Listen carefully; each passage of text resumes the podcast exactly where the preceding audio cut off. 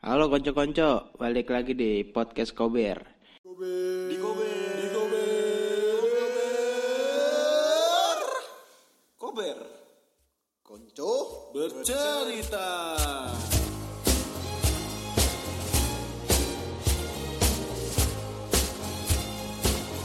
Kali ini nama segmennya adalah Bimus Bicara Musik.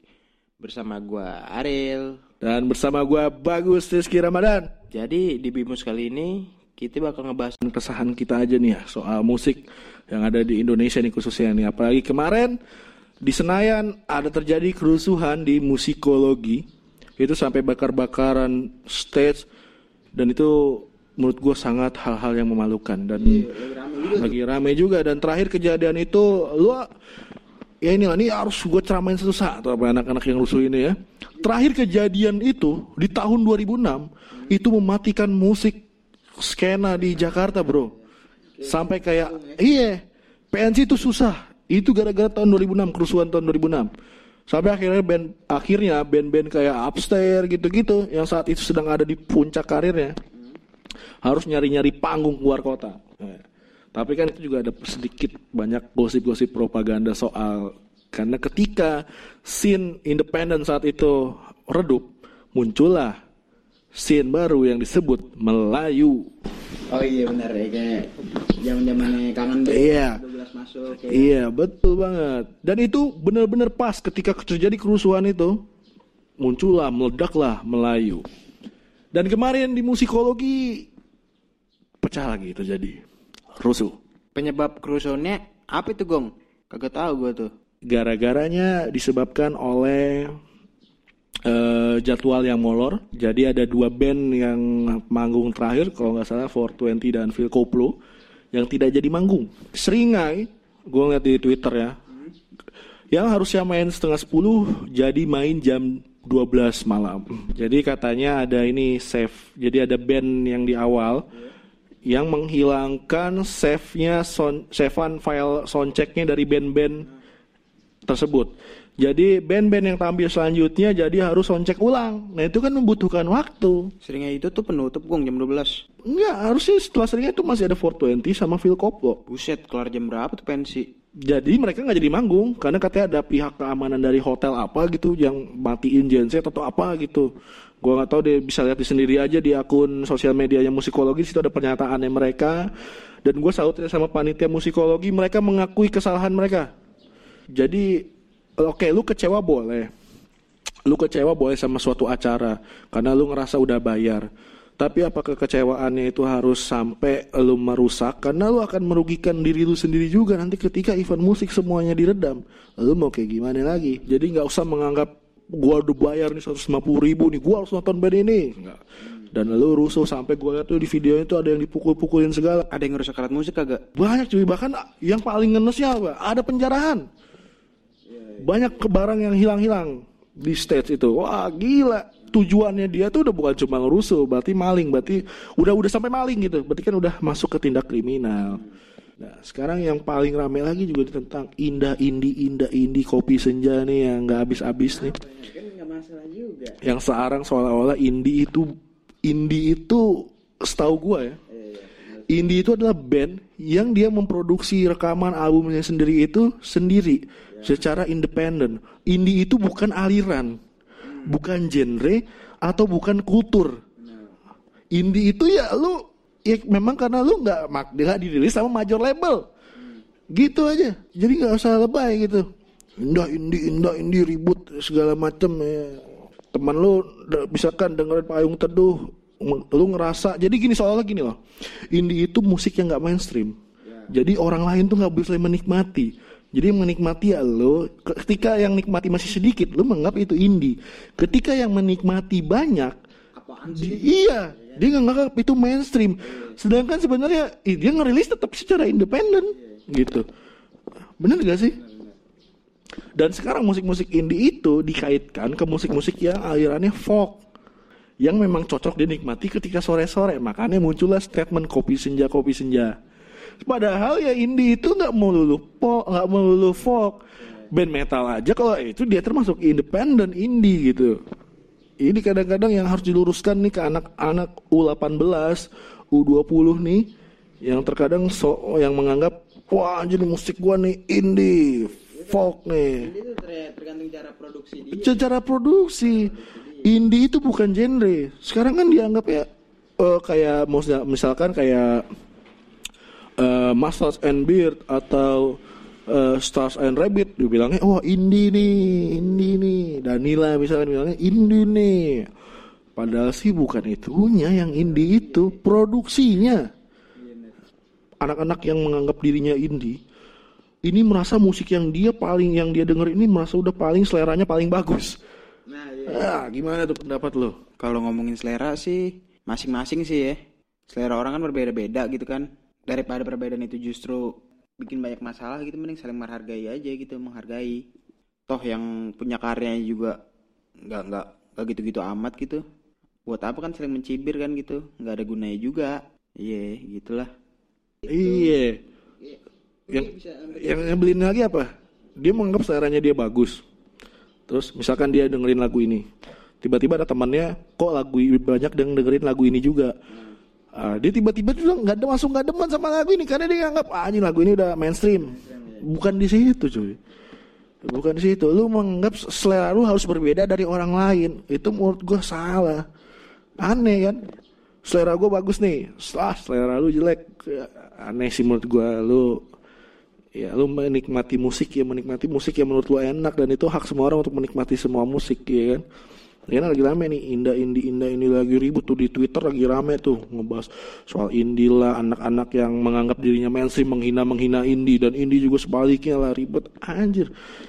Jadi sekolah-olah indie itu udah jadi kayak kayak anak pang gitu ini anak pang anak metal terus ada anak indie padahal anak metal juga termasuk indie independen Eh, jadi aneh jadi kayak kultur baru seperti genre musik. Kecuali band metal yang udah masuk. Nah iya siapa ya contohnya bosku Siapa ya Juliet? kagak ada anjing siapa yang masuk KFC anjir ada ya? Yang- Ya, siapa tahu di luar negeri yang ada soundtracknya Dilan cuk cakep cuk enak-enak lagunya mana metalnya ini. Eh tapi lagunya enak-enak. Gue dapet dari KFC tuh. enak cuy. Eh, ya itu lah. Gue senyamannya gue didengar ya gue bilang lagu itu enak. Iya, Bener gak sih? Bener gak sih?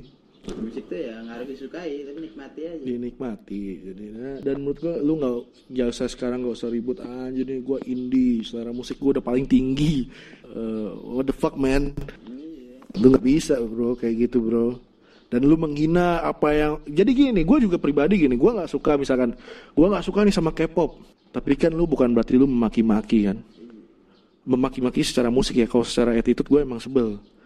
Eh, cewek gitu sampai lari-lari, kata gue berlebihan banget, eh, membahayakan diri sendiri, lari-lari desuk-desuk sampai yang pingsan. Itu menurut gue lebay. Tapi secara musik ya nggak apa-apa, mereka suka itu gitu. Toh gue suka metal misalkan, itu nggak apa-apa, saling respect aja satu sama lain, ya. kan?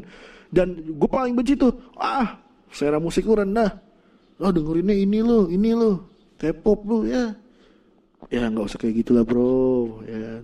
Semuanya bisa dengerin juga lah, iya. Masing-masing gitu. Iya. Dan lagi berita hot juga nih, My Chemical Romance Ngapain deh? nampaknya akan segera melakukan konser reunion. Aduh. Wah, ini lagi rame nih ya, yang imo-imo nih lagi bangkit-bangkit rame ya. Sampai sekarang banyak banget tuh di acara di di klub-klub tuh eh, imo night ya, iya. Lagi rame itu ya, muter-muter karaoke-karaoke lagu imo ya. Lagi naik lagi nih, salah satunya kemarin di Synchronize ada Killing Inside yang reunion. Terus juga kayak band-band kayak Sweet As Revenge yang dulu-dulu dia tiba-tiba muncul-muncul lagi dan wah apakah ini era sebuah kebangkitan emo yang kembali muncul di Indonesia di dunia bahkan ya MCR reunion gila nih gimana nih pendapatnya tentang MCR yang reunion Menurutku sih band-band reuni itu merupakan suatu hal yang sangat mungkin mendatangkan banyak penonton dengan adanya reuni gitu.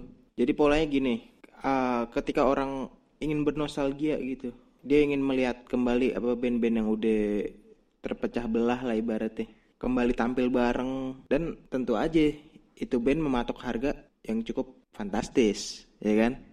dia yang udah terpecah habis itu ketemu lagi pasti bayarannya juga beda daripada band-band yang udah ada gitu kalau pendapat gue sih menurut gue sih gitu Gak mungkin dia kalau contohnya Dead Squad uh, Horror Vision Reunited yang kemarin main di Rock in Celebes sama di Synchronize ya. Itu nggak mungkin bayarannya sama kayak lu Dead Squad formasi biasa. Kayak kemarin Killing Me Inside Reunion juga nggak mungkin uh, bayarannya sama kayak Killing Me Inside. Ya emang ada bandnya sendiri kan ya. Karena gini, lu ngumpulin mereka di satu band lagi dengan tema reunion, sedangkan mereka rata-rata udah punya band juga. Pasti bayarannya kan fee-nya dua kali lipat. Iya, nggak bisa lo cuma atas nama Dead Squad gitu.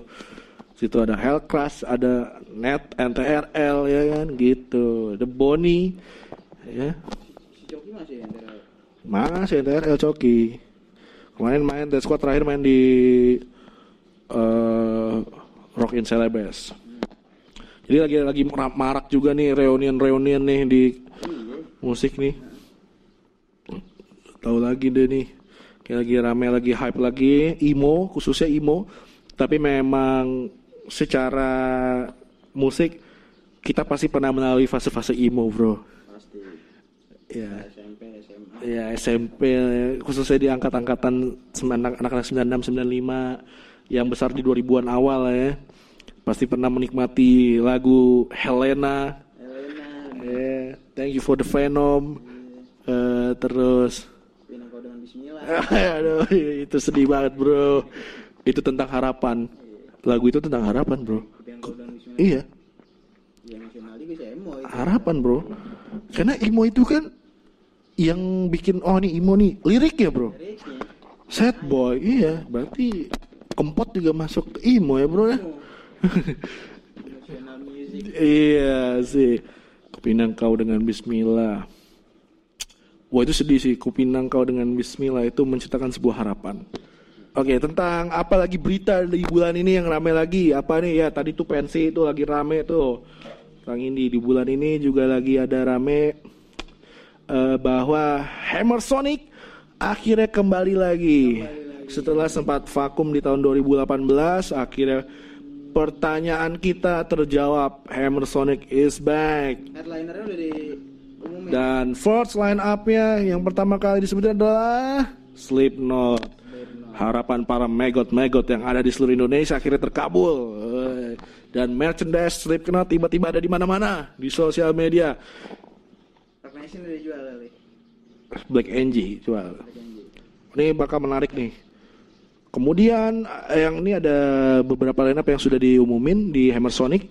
Slipknot pertama, terus ada Black Flag, Black, ada Suicide Silent, kemudian ada Lokina Coil, kemudian ada Sinister dari Belanda nih didatengin langsung dari Belanda dan tentunya akan masih banyak lagi line up. Ya tahu juga sih ya. Kemungkinannya sih itu. Soalnya berita yang simpang siur nih. Simpang siur nih. Banyak ya berita-berita bocor lah tentang band-band yang akan menjadi line up selanjutnya. Tapi kita simak aja dulu dah.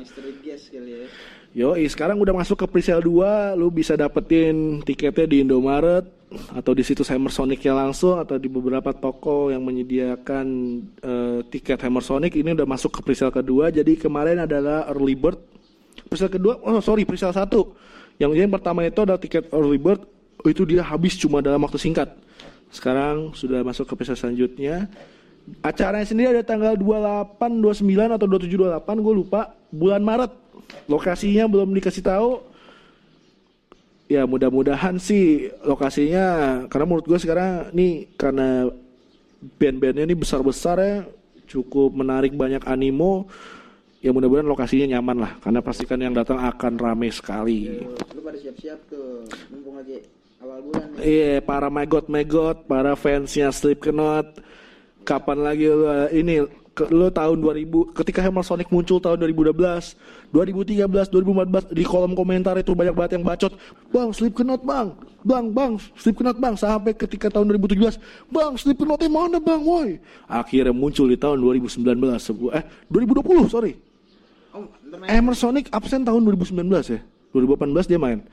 2020 2018 terakhir di Pantai Karnaval ya. Sorry sorry. Jadi banyak banyak baca tuh, woi, bang Slipknot dong bang. Akhirnya di tahun 2020 dikasih nih sama Hammer Sonic Slipknot untuk lu semua. Oke, luar biasa. Eh, naik haji deh tuh ya para magot ya yang ada di seluruh Indonesia ya. Jiwa magot kalian akan terpanggil pastinya. Selamat menikmati Hammer Sonic. Oke. Selamat bersantai sekalian untuk teman-teman. Eh, eh, iya, Bimus. Bimus bicara musik bersama Ariel dan Jadi dan ya? dan bagus Rizky Ramadan. Oke.